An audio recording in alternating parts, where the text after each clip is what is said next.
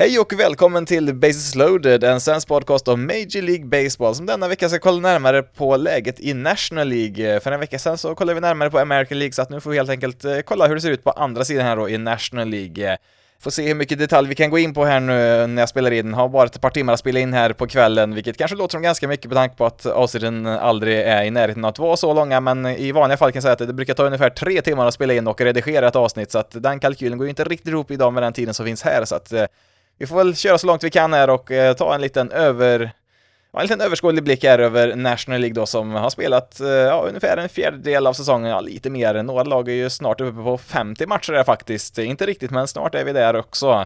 Och ehm, ja, vi kan väl börja på den östra sidan som vi gjorde förra veckan där ehm, och eh, ja, National League East det ser väl, ja, tabellen är väl ganska väntad. Det är väl två lag som har bytt plats med varandra där, Marlins och Phillies eh, skulle jag kanske byta plats på. Alltså, vi har ju Braves, eh, har en stabil första plats där, fem matcher före Mets. Sen har vi Marlins, Phillies och sen Nationals då sist. Eh, eh har ju ett Braves som har väl spelats ungefär som förväntat. Eh, ja, riktigt bra. 29-17 är de.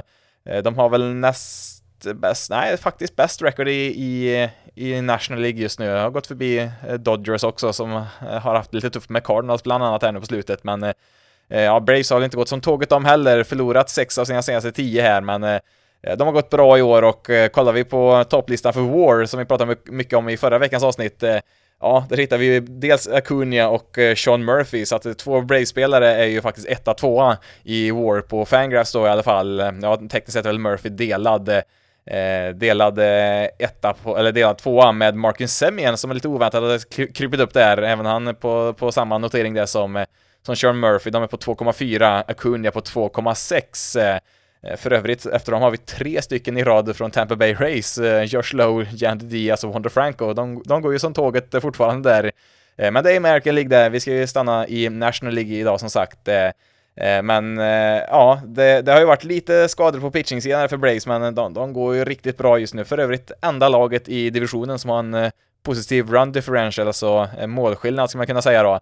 Eh, plus 63 ligger de på och eh, ja, som sagt, det är, det är de bäst på i National League också faktiskt. Eh, eh det är ju, ja, det är ju Race som totalt dominerar den eh, kategorin i, över hela MLB. 124 plus ligger de på.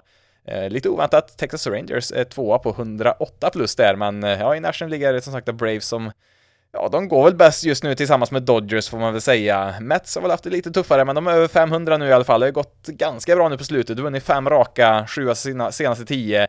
Eh, 25-23 då, två i divisionen och är i alla fall uppe på en wildcard-plats. Eh, eh för övrigt, om man kollar på slutspelsbilden just nu så, ja, om man eh, bara kollar wildcard-platserna, de tre, då hittar vi då Mets, ja, de är väl ganska väntade, och de två andra platserna däremot har vi ju Pirates och Diamondbacks inte riktigt lika väntade. Eh, Närmaste laget utanför slutspelet just nu då, det är faktiskt Marlins, eh, så att eh, det var kanske inte riktigt den bilden man hade målat upp innan säsongen började, men ja, det är mycket kvar att spela.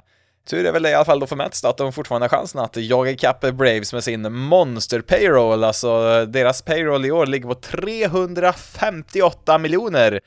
Man tycker ett lag som ligger över 200 miljoner spenderar mycket, men nej, 358 spenderar eh, Mets eh, så här långt i alla fall i år. De kan ju alltid träda till sig något mer innan säsongen är slut. Eh, eh och det, då ingår ju inte alla eh, yttre straffavgifter där också eftersom den är så högt över lyxskattetaket. Det finns ju fyra olika nivåer på det där. 233 är den första nivån på, 253, 273 och sen så har man den så kallade Steve Cohen-skatten där som man la till i i, när man förhandlar nytt eh, kollektivavtal där för att man ville eh, förhindra Cohen för att spendera för mycket där. Eh, den gränsen hamnar vid 293 miljoner dollar, men den skiter han fullständigt i tydligen för att de höll på på 358 miljoner.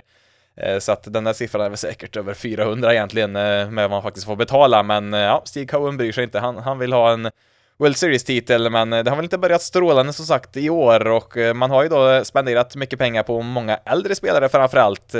Mest pengar ger man ju till en 38-årig Max Scherzer, han fyller väl 39 snart till och med, och en 40-årig Justin Verlander. De får ju 43 miljoner vardera, alltså 80, 86 miljoner för två spelare. Eh, jag kan säga att eh, Oakland A's eh, ger vad ska vi se, 59 miljoner betalar Oakland A's för hela sin roster, vilket, ja, med tanke på hur de har spelat så är frågan om det är ett överpris det också, men Eh, ja, som sagt, eh, Mets eh, två bäst betalda spelare känner ju mer än flera lag och betalar sammanlagt för hela sin roster. Och eh, det är ju två spelare som inte riktigt har eh, levt upp till förväntningarna så här långt. De börjar ju som sagt bli lite gamla de här två. Verlander inledde ju säsongen skadad, men är ju tillbaka i spel nu, har gjort några starter i alla fall. Ja, fyra har han gjort. Scherzer har också haft lite skavanker, har också missat någon start. Sen är det väl inte riktigt den katastrofen som en del kanske vill måla upp det att vara här. Eh, Scherzer ligger på en ERA på ganska prick 4 på sju starter, vilket såklart inte är bra, framförallt inte när man tjänar 43 miljoner per år. Men eh, det är ändå gott om tid kvar att eh, snygga till de här siffrorna eh, en del till säsongen slutar. Det är bara att kolla tillbaka till, ja, bara förra året startade han 23 matcher, 145 innings med en ERA på 2,29. Så att eh, det, det, man ska nog inte ge upp hoppet riktigt än där med Scherzer, även om det finns en del oroväckande tecken kring hans prestation så här tidigt. Eh, får hoppas att han håller sig ur klistret också, bokstavligt talat. Eh, han blev ju avstängd tio matcher där för ett tag sedan för att han hade för kletiga händer helt enkelt. Eh, eh, får vi se om det blir något mer sånt med honom eller inte. Verlander, han blev ju till och med utbuad någon match där som det inte gick något vidare bra i. Hade väl ingen bra, det var ett par starter där som inte gick så jättebra här i början, men nu senast här i söndags hade han väl en riktigt bra start här. Åtta innings mot, i och för sig mot Guardian som inte direkt är kända för sin offensiv i år, men åtta starka innings, eh, det tar man mot vilket lag som helst. Eh, det var väl bara en run till då där, så att eh, jag är kanske på väg åt rätt håll förhoppningsvis är för Mats. En ERA på 3,6 på fyra starter, det är inte direkt någon katastrof det heller på något sätt. Sen vill man kanske ha Cy Young Verlander här som, som vi såg förra året och då hade han ERA på 1,75 på 28 starter. Får se vart han landar någonstans till slut där, men det är väl kanske något att ha ett öga på det, för det är som sagt det är en liten äldre roster de har här i Mets eh, har ju eh, som sagt satsat mycket på eh, Free Agency, har de plockat in mycket, mycket, det är mycket 30-plussare om vi säger så. Vilket i och för sig då, det är många duktiga 30-plussare såklart, men de är ju mer benägna att gå i sönder än lite yngre förmågor som kanske deras främsta rival i Braves har, som, ett, som en bra jämförelse där. Men sen har man ju såklart också, Pete Alonso leder ju MLB i, i homeruns just nu, över 70 17 stycken om jag inte minns helt fel. Jo, precis 17 stycken leder han på, två före Max Muncy där på 15 som är, har andra platsen. Eh, väldigt otippad Adolis Garcia i Rangers, trea på 14. Mycket otippade Rangers-spelare högt upp i eh, många leaderboards just nu, så att man ska nog kanske börja ta dem på lite allvar här faktiskt. Eh, hade väl svårt för dem eh, innan säsongen började här, men de går ju från klarhet till klarhet. Men ja, återigen, det är National League vi ska fokusera på här. Ehm, ja, Marlins har ju faktiskt eh, varit en liten positiv överraskning ändå. Hade, hade väl hoppats att de skulle vara lite mer aktiva i Free Agency här nu innan eh, säsongen, men de går ändå rätt hyggligt här nu. De har ju, ja, de har faktiskt en match över 500 nu, 24-23. Eh, det är väl främst Louise Arise som är den stora storyn där. Han slår väl i och för sig inte över 400 längre, nej, 382 slår han bara. Ja, dåligt av han. ingen som är i närheten och slå så, för, för, så högt average eh, som Arise gör just nu. Tvåa är Acuna på 3.44.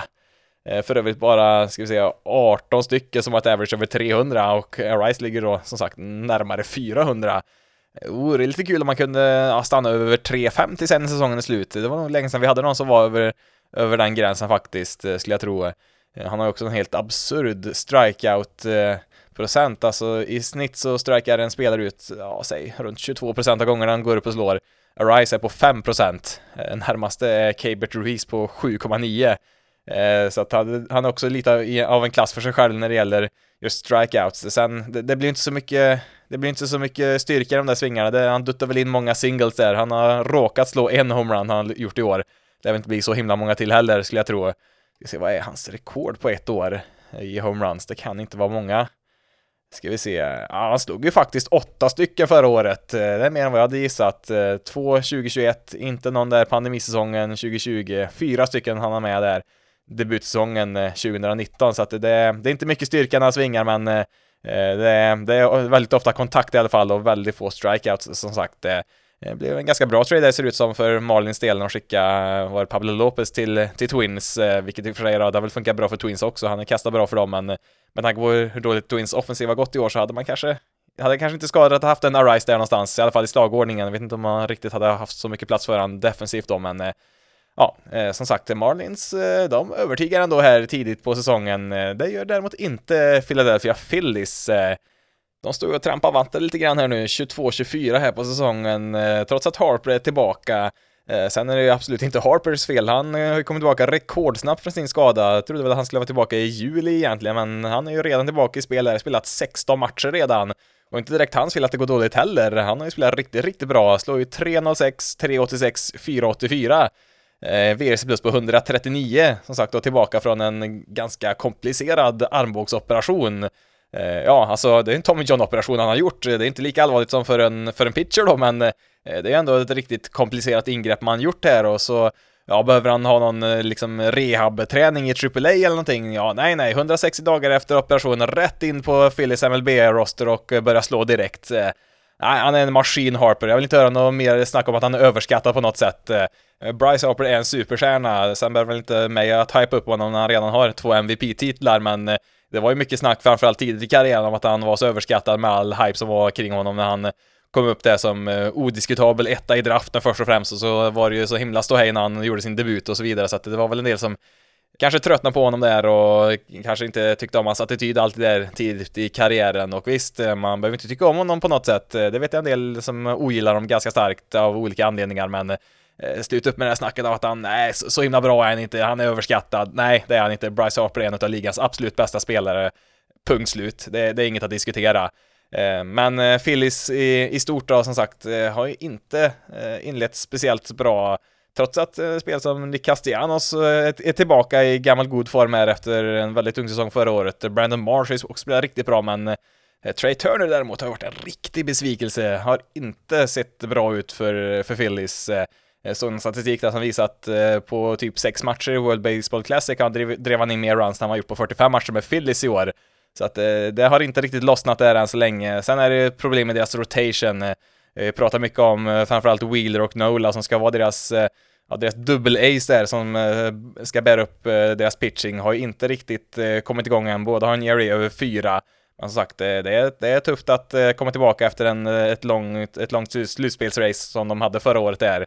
Eh, men det är inte bara de som inte går bra där. Det är väl, ja, Tyson Walker har ju en ERA på nästan 6, eh, Bailey Falter har inte kastat bra heller, så att de ligger väl på den, i den undre tredjedelen bland deras, bland ligans rotations rent ERA-mässigt, så att det finns en del saker som behöver förbättras här för att de ska, för att de ska vara med och slåss om slutspelsplatserna. Det, det är ju ett lag som jag absolut tycker ska vara, ja, alltså det, det är väl såklart komma mycket mycket, mycket konkurrens om slutspelsplatserna, men eh, med tanke på att man faktiskt var i eh, World Series förra året så tycker jag ändå att eh, ja, når man inte slutspel så är det ju ett fiasko för Phillies i år. Det skulle det absolut vara.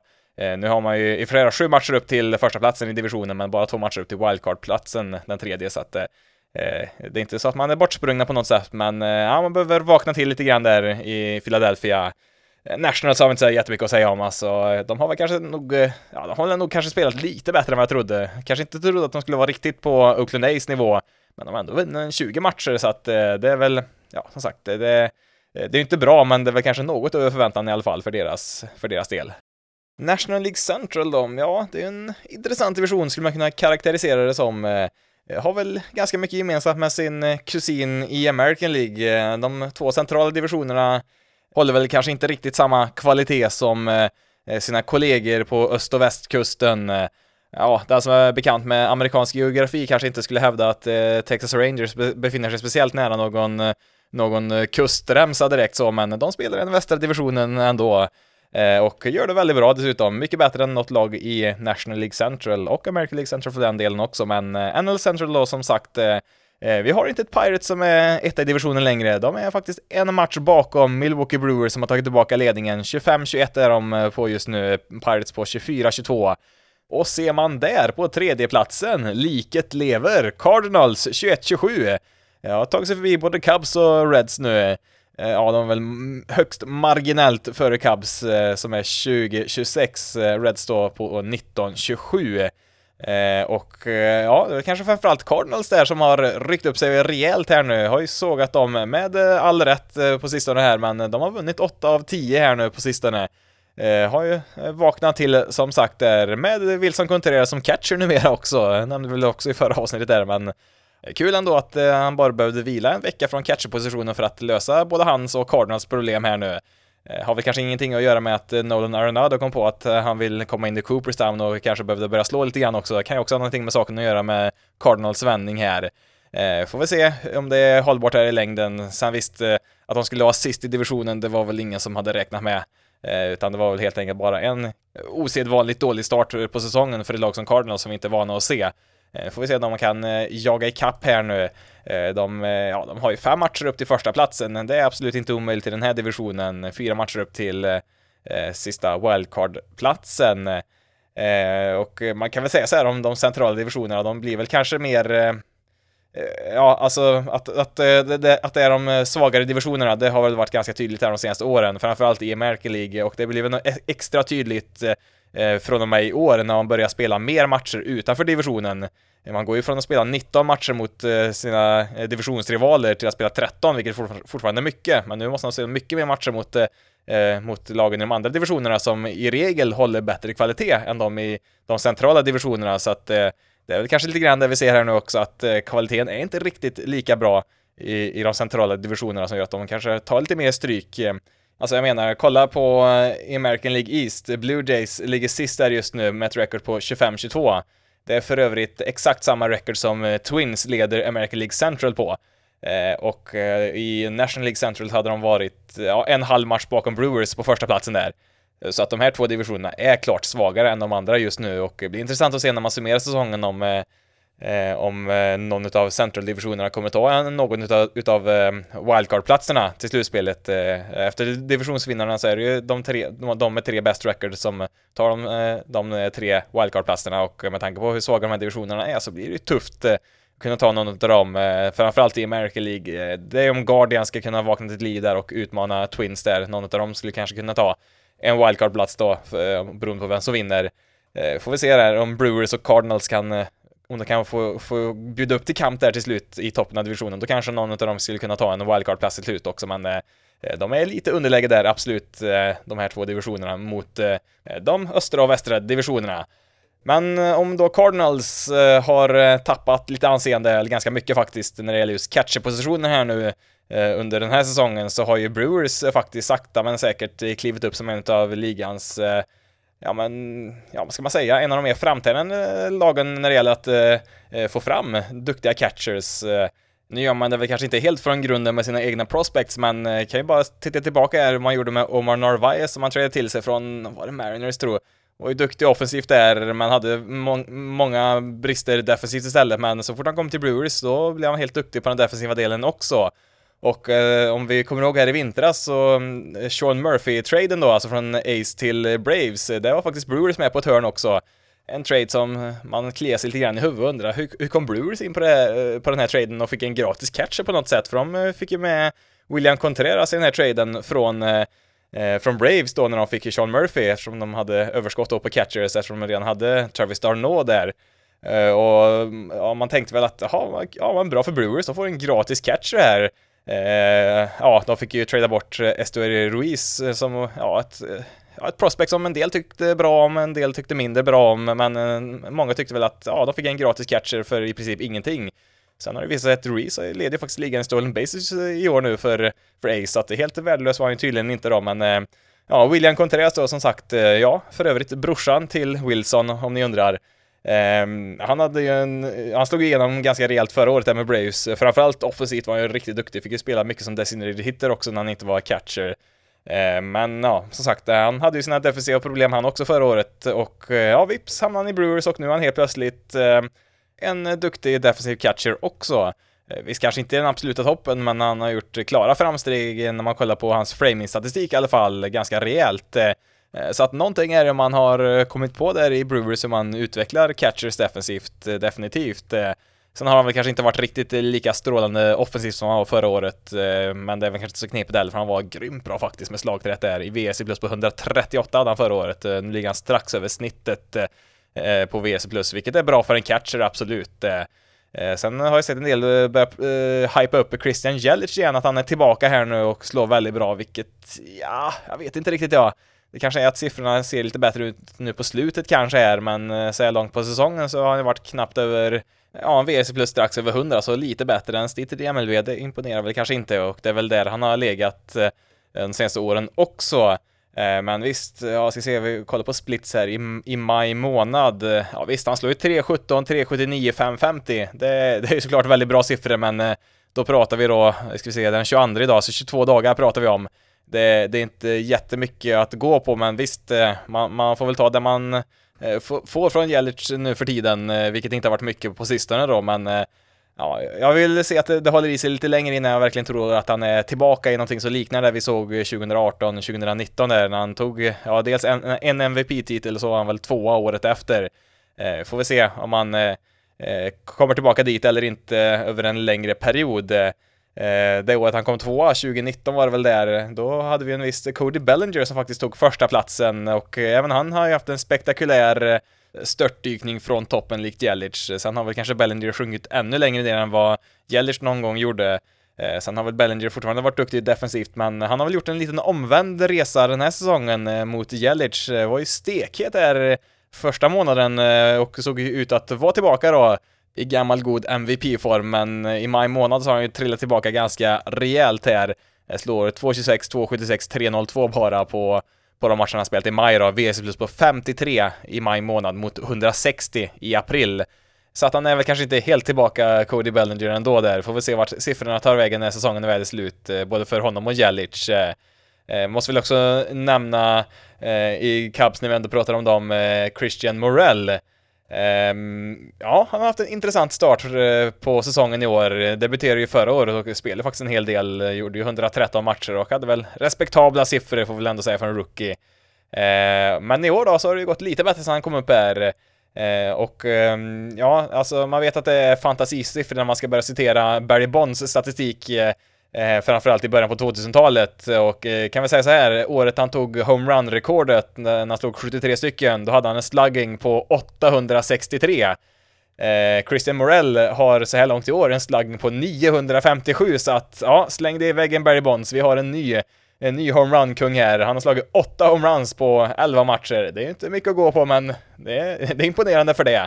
Eh, sen ska man väl tillägga att Barry Bonds hade väl en on-base på typ 500-600 de där åren. Eh, Morell ligger på 396, vilket i och för sig är väldigt imponerande det också, men eh, det visar, visar att det är bara eh, det, det är bara hårda svingar som gäller där i princip och han strikar ut 37% av gångerna har han gjort eh, så här långt i år. Så att det, det, är verkligen, det är bara strikeouts eller homeruns när han vevar där, vilket eh, kan vara underhållande på, på sitt sätt. Knappast hållbart i längden, men ja, det har varit 11, 11 intressanta matcher ändå för Christian Morell i, i Cubs som eh, ja, numera då har fjärdeplatsen i divisionen, 2026 är de. Eh, man ska ändå komma ihåg att eh, de är topp 10 faktiskt i VRC plus i MLB och även i ERA för eh, starters. Eh, det är väl deras eh, bullpenner har väl haft, haft lite mer problem då, men det finns väl ändå en och annan positiv aspekt med det här laget, även om de har förlorat sju av sina senaste tio här. Så visst, de spenderade en del här i vintras och gjorde laget bättre, men eh, ja, det räcker väl kanske inte riktigt till, tror jag inte, eh, i långa loppet i år. Sen får man se om man kan bygga vidare på till nästa år då. Eh, Reds där, sista platsen, 19-27. Inte så mycket att säga om dem där. De, de rullar väl på där. Eh, har ju en del intressanta prospects, några som har kommit upp här nu och debuterar redan och har väl några som är, är snart är på gång också. Så det är väl, det är väl lite grann det man får kolla på när det gäller just Reds säsong i år. Till sist då, National League West och eh, ja, jag förstår inte riktigt varför man ska envisas och tro att ja men i år, i år är året. Eh, men nej, det är inte i år som är året. Dodgers ska man aldrig räkna bort. Eh, sitter man där och tänker att ja, men kolla vad Padres har spenderat, de kommer ta hem den här divisionen, de kommer bryta Dodgers eh, dominans över, över divisionen här. Och kolla Mets, vad mycket pengar de spenderar. Alla spenderar pengar, förutom Dodgers, alltså deras payroll är ba bara nere på 220 miljoner. Ja, det här blir ett mellanår för, för Dodgers. De kommer satsa på Otani här till nästa vinter, så att de sparar lite pengar här och tar ett mellanår för honom där. Men nej, det, det finns ingenting som heter mellanår i Los Angeles. I alla fall inte i den delen som Dodgers spelar. Eh, nu spelar väl inte Angels direkt i Los Angeles för den delen då, även om de heter så, men Ja, nej, återigen, ska man lära sig någonting från säsongsinledningen så är det att tv tvivla aldrig på Dodgers. De, led, de leder divisionen 29-19, visserligen bara en och en halv match eh, för, Diamondbacks av alla lag också. Eh, men eh, ja, nej, de rullar väl på eh, som vanligt. Eh, visst, nu fick de väl en liten käftsmäll här utav Cardinals som tog tre av fyra mot de här, men ja, nej, de, de kör väl på. Vi får väl se lite grann här nu på pitching-sidan har de fått lite skador här nu. Dustin May lämnar ju en start här. Ska bli borta en fyra till sex veckor inledningsvis i alla fall här. Ehm, och ehm, ja, Julio Urias har också blivit skadad här, så att det är ju intressant att det, det är Kershaw som, som är den friska, friska krya pitchen i den här rotation här som de har. Eh, pitchen som inte kunde få en eh, försäkring till World Baseball Classic från, för han har varit skadad så mycket. Det är, det är bara han kvar där. Ja, nej, de har väl lite annat där bak också, men eh, ja, nej, de, de, eh, nej, de gör sin grej helt enkelt. James Outman har ju kommit från ingenstans och blivit en All-Star outfielder. Mookie Betts eh, kan ju tydligen spela shortstop. Ja, det, allt de gör blir ju rätt i det där laget, så att jag, jag förstår inte varför man ska ganska envisas med att försöka förutspå att och försöka låta lite smart och tänka att ah, men nu, i, i år, så kommer det inte gå något bra för Dodgers. Nej, man, man, ska inte hålla på med sånt. Det är bara att tippa Dodgers etta varenda år så kommer man få rätt de flesta åren i alla fall. Det, det är nog det säkraste man kan göra. Eh, sen, eh, jag vet jag nämnde tidigt på säsongen att jag tänkte att eh, ja, i år kanske är året som Adley Rutschman kommer att eh, gå förbi eh, JT Realmuto som ligans klart bästa catcher och eh, visst, Rutschman har varit riktigt, riktigt bra och eh, ja, framförallt bättre än eh, Real Muto, men eh, är Rutschman då bästa catchen i MLB? Nej, det är han inte. Det är Will Smith i Dodgers av alla lag såklart. Han har ju en sån här fin eh, 3-4-5 slash line, slår ju 3-11, 4-14, 5-66 med en VRC plus på 164. Det är nog så extremt för en catcher. Eh, visst, han har bara spelat 30 matcher, men vi pratar alltså peak Buster Posey-siffror där som han har eh, lagt upp här i början på säsongen. Sen är väl han kanske inte riktigt lika stark defensivt som eh, kanske Rutschman och några till där, men Eh, Eh, ja, nej, det här Dodgers-laget som har aldrig satt sig emot. Jag skulle väl i och för sig då, ha ett litet öga på deras pitching-situationer i deras rotation.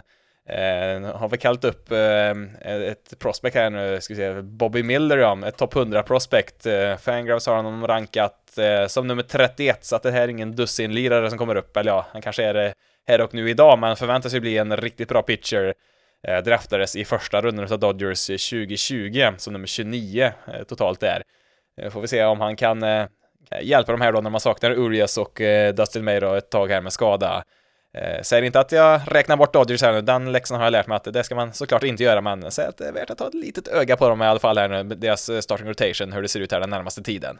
På tal lite grann då om Orioles som jag nämnt här lite grann i förbifarten så är väl de kanske det mest intressanta laget att följa i år. Det roligaste i alla fall utav de här lite mer oväntade lagen. De har faktiskt näst bäst record i hela MLB just nu. Två och en halv match bara bakom Race i divisionen. Det hade man inte trott, framförallt inte med den rotation de har. Det hade jag nog inte trott eh, de skulle lyckas med det. Och eh, deras motsvarighet då i, i National League, det måste vara Arizona Diamondbacks som är även de två i sin division, 27-20, en och en halv match bakom Dodgers och eh, ja, likt Orioles så undrar jag hur de gör det med sin rotation egentligen. Eh, visst, de har väl kanske min favorit till Cy Young-titeln så här långt i år i National League, Zach Gallen, som har varit riktigt, riktigt bra. Ja, tillsammans med Merrill Kelly också, lite oväntat. De har ju nästan identiska siffror så här långt i år, de två, eller ja, Eh, Gallens underliggande siffror är ju betydligt bättre än Kelly, men eh, det skiljer bara 0,03 i ERA mellan de här två på 10 starter och bara några enstaka innings också. Sen är väl troligtvis Gallen eh, bättre sett över hela året, eh, skulle jag väl tro, men eh, sen är det väldigt blekt efter dem där. Man har ju gjort sig av med Bumgarner, det kom ut en artikel där idag, idag som bekräftar väl allt man spekulerar i kring hans, ja, hans stönighet eller envishet att totalt vägra ändra, ändra sättet han kastar på. Eh, det är liksom, eh, visst nu kastar väl Bumgarner aldrig speciellt hårt, men eh, det är liksom, det går ju inte att mata in med liksom fastballs i typ 88 mitt i strikezonen. Det, det funkar liksom inte på den här nivån. Och liksom vägra göra, göra om sin pitchmix efter vad han kan kasta liksom här och nu, inte vad han kunde kasta för tio år sedan. Det är väl lite grann det som kom fram där, att han hamnade i, i konflikt med Eh, Diamondbacks olika pitchingcoacher de har där som försöker liksom hjälpa honom och ja, men kolla här, liksom de presenterar siffrorna, det, det, det, här funkar inte, testa det här istället så, så har vi nog större chans att, eh, att lyckas istället för att han ERA på, vad ska vi säga, 10,26 kom han upp i år innan han, eh, innan han fick, innan de fick nog utav honom där. Och vi ser ju också, de ligger ju bra till i tabellen och har en slutspelsplats. Då kan man inte ha en Madison Bumgarner som vägrar att anpassa sig efter nya tider här och liksom slänger upp händerna i luften och undrar oj då, varför gick det inte den här gången då? Det har alltid gått förut. Ja, jo, det, det går väl tills det inte gör det längre och då får man kanske göra någon förändring. Det kom ju också ut att han tvärvägrar att läsa scoutingrapporter. Eh, alltså, eh, han ville bara kasta det som han tyckte kändes bra för stunden ungefär. Så liksom pitchingcoachen fick liksom lämna scoutingrapporten till, till, till hans catcher liksom som fick eh, extra arbete och gå igenom det där och liksom ha Eh, liksom eh, försöka styra rätt i det där skeppet. Eh, men ja, det var nog ingen tacksam uppgift där att försöka få Bumgarner att kasta något annat än han har gjort under sina framgångsrika år med Giants. Men ja, nog om, nog om honom. Han är inte kvar i laget eh, trots allt. Och eh, det, mm, ja, det var väl ett ganska bra beslut med tanke på att de faktiskt eh, i allra högsta grad är med och slåss om slutspelsplatser. Alltså det är bara Dodgers och Braves som har bättre record i National League. Kan man inte tro om ett Diamondback som inte hade så här jättestora förhoppningar kanske innan säsongen började. Men om jag hade fel med vad jag trodde om att eh, Dodgers kanske inte skulle gå så bra i år så tror jag faktiskt, att man inte minns helt fel, och hade lite rätt i alla fall i att nämna att eh, Diamondbacks kan vara lite bättre än man tror.